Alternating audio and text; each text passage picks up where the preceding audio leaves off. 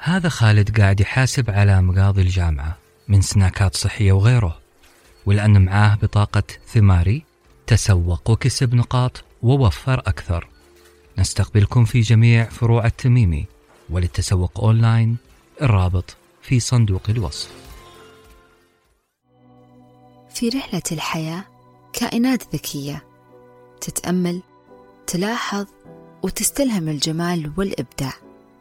في هذه الرحلة راح أكون معاكم أنا شموخ عبد الكريم في بودكاست كائن حي.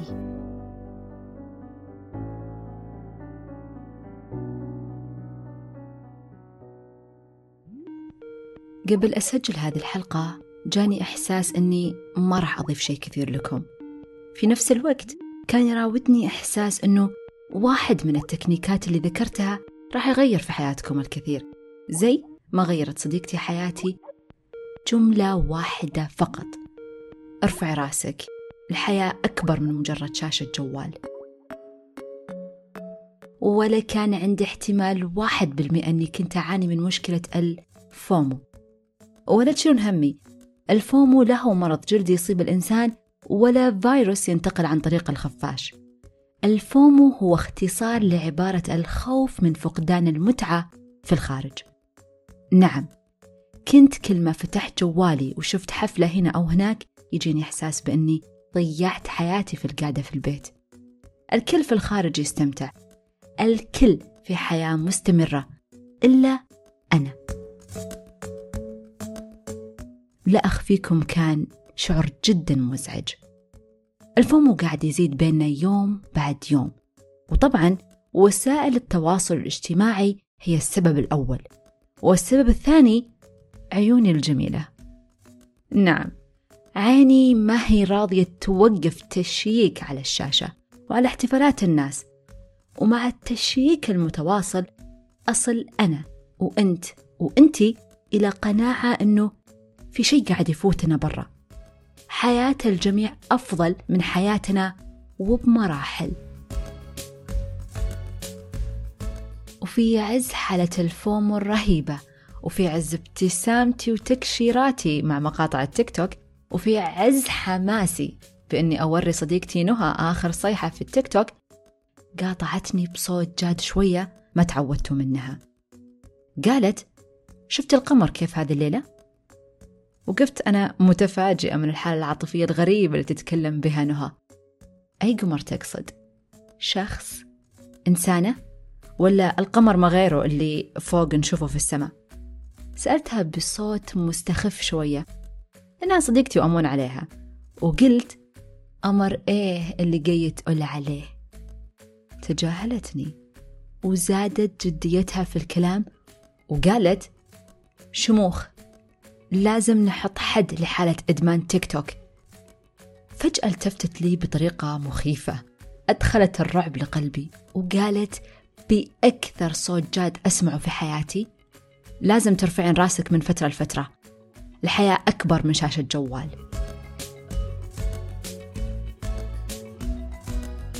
تعلمت من كتاب فن الملاحظة للكاتب روب والكر وترجمة الدكتورة نهى العويضي قاعدة مهمة. منها انبثقت تكنيكات أستخدمها عشان أستعيد تركيزي للحياة حولي للكون ككل.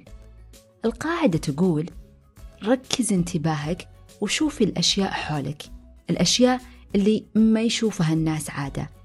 شوفي الأشياء اللي نتعالى عن رؤيتها إما بسبب تشتت التركيز أو بسبب تكدس الأفكار في رؤوسنا.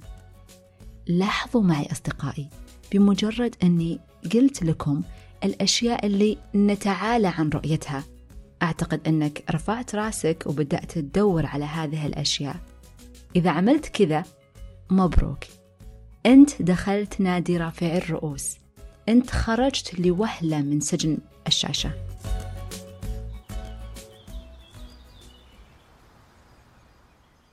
قبل ما تحكمون علي بأني رومانسية زيادة عن اللزوم وإني بدأت أهيم في السماء نظرا وتأملا وإني أخذت طريق روحاني في تأملاتي للنجوم وإلى آخره. خلوني أقول لكم إنه تأملي مختلف شوية. تأملي واقعي. أنا بدأت تكنيكات التأمل في الواقع كما هو على الأرض. أنا رفعت رأسي عن شاشة الجوال عشان أتأمل مدينتي اللي أنا فيها لا أكثر ولا أقل. بصراحة بدأت أسوي زي الواجب المدرسي. سؤال بحثي ميداني. ومن هذا السؤال انطلقت أجوب شوارع مدينتي والهدف إعارة انتباهي لما هو في الخارج. بالتحديد واجبي هو عمل ثلاثة تمارين وأنا أزور مدينتي الجبيل ثلاثة تمارين من شأنها رفع حدة تركيزي وشحذ انتباهي. أول طريقة اصطاد مشاعرك. الكاتب الأمريكي المعروف إرنست هيمينغوي يقول إذا دخلت غرفة لأول مرة وخرجت منها لازم تكون قادر على تذكر معظم تفاصيلها. ومو بس تفاصيل الغرفة بل أيضا مشاعرك أول ما دخلت هذه الغرفة. وأنا هنا أمثل هيمينغوي السعودية وأقول لكم أي موقع تزورونه. لابد من اصطياد مشاعرك وأنت تزور هذا المكان. وعشان لا نتكلم في عموميات وكلام ما نقدر نطبقه راح أشرح لكم إيش قصدي باصطياد وإيش قصدي بمشاعر. أقدر أشرحها ببساطة بأننا عادة نعتمد في التركيز على حواسنا الخمسة الروائح، الألوان، الملمس إلى آخره. لكن الآن تركيزي كله على شيء داخلي مشاعري. هل هي خوف قلق أم سعادة وانشراح؟ بل أدق من هذه المشاعر. هل شعرت بأني طفلة من جديد وأنا أشاهد تلك الصخرة اللي تشبه زحليقة الملاهي اللي كنت ألعب فيها زمان هذه المحلات القديمة هل خلتني أتذكر بائعة الحلويات من زمان وتدفق لجسمي هرمون السعادة بمنظر الحلويات البراقة أنا هنا أتتبع مشاعري وليس فقط ما أرى أو أسمع. صعوبة هذا التمرين أنه صعب نقيس المشاعر، صعب نصيدها بعد، لكنها حقيقة الحقائق. نعم، المشاعر هي حقيقة الحقائق. لو طفلي في يوم قال لي أنا خائف، فهو يتحدث عن حقيقة إحنا ما نشوفها. برافو عليه إنه عرف مشاعره الحالية. لذلك أبغاكم تتخيلون معي أني صممت خريطة لمدينة الجبيل البلد في هذه الخريطة لا يوجد فقط محلات ومراكز تسوق وحدائق بل مشاعر. وإذا كانت عمل خريطة زي هذه صعبة ابدأ بأسهل نوعين من المشاعر. الارتياح والضيق. حسيت بالضيق عند دخولي هذا الشارع بينما أحسست بالارتياح وأنا أدخل ذاك الشارع. اسأل بعدها سؤال أكثر دقة.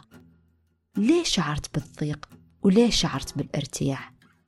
هنا حتبدأ تشوف التفاصيل أكثر وأكثر. اصطياد المشاعر خلال زياراتك للأماكن راح يخليك تبحث عن محرك هذه المشاعر وبالتالي راح تشوف الأشياء وتشعر بها بطريقة أكثر دقة. ثاني طريقة هي اسلك الطريق الصعب. إذا كان أحد أفراد شركة جوجل قال مع تطبيق جوجل ماب ما عاد في إنسان تائه. أنا بعكس الكلام وأقول لا بأس بأنه نضيع لبعض الوقت. رحت جبال البلد رغم أني حافظة كل شبر فيها لكن الحقيقة أني حافظة كل شبر في الطريق اللي أسلكه في شوارع المدينة بالأصح الأزقة اللي تعودت عليها. هناك تتخاطف عيوني الأسطح القديمة ولأول مرة أنتبه وأنا تائهة في شوارع المنطقة القديمة. لوحات مدارس تخرجت منها شخصيات مهمة. كنت أقاوم رغبتي في سحب الجوال من شنطتي واستشارة العم جوجل ماب قاومت خوفي المؤقت ومضيت في طريقي أستكشف مرغمة لأني فعلا تائهة في شوارع المدينة القديمة. ثالث طريقة وأرجوكم لا حد يضحك عليها. ثالث طريقة هي استمع للحلزونة وقت الغداء. الفكرة ببساطة هي للكاتبة إليزابيث بيلي. كانت طريحة الفراش وأحد أصدقائها قدم لها إناء في زهرة البنفسج. داخل الإناء كانت فيه حلزونة بريئة. المهم أنه الحلزونة صارت رفيقة بيلي في عزلتها الاستشفائية. تقول بيلي في مساء ما وضعت بعض البذور في صحن قريب من إناء البنفسج. الحلزونة استيقظت فجأة وبدأت تزحف ببطء شديد تجاه الصحن. وبدون إحم ولا دستور أخذت قضمة من هذه البذور. كنت أستمع بحرص للحلزونة وهي تقضم البذور بهداوة تحسد عليها. نعم سمعتها وشاهدتها. شاهدت هذا المشهد الغريب لأول مرة في حياتي. ساعة كاملة كانت مدة وجبة الحلزونة. انعطفت الحلزونة بعد هذه الساعة وعادت أدراجها إلى منزلها البنفسجي ممتلئة البطن ومبتسمة. وأنا أعتقد أنه اللي كان مبتسم هي الكاتبة لأنها شاهدت منظر جديد عليها. ولأنه هذا المشهد خلاها تكتب كتاب كامل عن تجربتها اسمه The Sound of a Wild Snail Eating. فازت بيلي جوائز على كتابها اللي عبارة عن تأملات بريئة وبطيئة في الطبيعة. قصة الكاتبة اللي ألهمتها حلزونة جائعة هي قصتي. أو بالأصح تشبه قصتي وأنا أراقب الناس في الشارع. جولاتي في الجبيل القديمة جعلتني أتأمل الناس هناك وهم يعيشون حياتهم بكل بساطة. هذا الشخص كل همه الحصول على رغيف الخبز ساخن بدون أن تنقص درجة حرارته ربع درجة مئوية. قضية مهمة بالنسبة له خلته يجادل ويناضل ويسرد الحجة تلو الحجة للخباز هذه السيدة الأربعينية تشكيل جارتها شيطنة أولادها وهناك عامل آسيوي يحاول إقناع الزبائن بالشراء من محل الملابس الجاهزة. عمل كل أنواع التسويق الحديث والقديم. تخيلوا أنه كل موقف من هذه المواقف كان مصدر إلهام لي في مقالاتي. عشت تجربة مليانة بالتفاصيل والملاحظات اللي خلتني أكتب بشكل مختلف عن زمان. وفي النهاية أحب أقول لكم نعم يمكن ما قدرت أقدم لكم شيء جديد لكن الأكيد أني سعيدة بأني رفعت رأسي من الجوال وشفت الناس شفت الواقع وخففت كثير من شعور الفومو. ولأنه تفاصيلي الجديدة سببت فومو لغيري. في حفظ الله. في رحلة الحياة كائنات ذكية تتأمل تلاحظ وتستلهم الجمال والإبداع. في هذه الرحلة راح أكون معاكم أنا شموخ عبد الكريم في بودكاست كائن حي.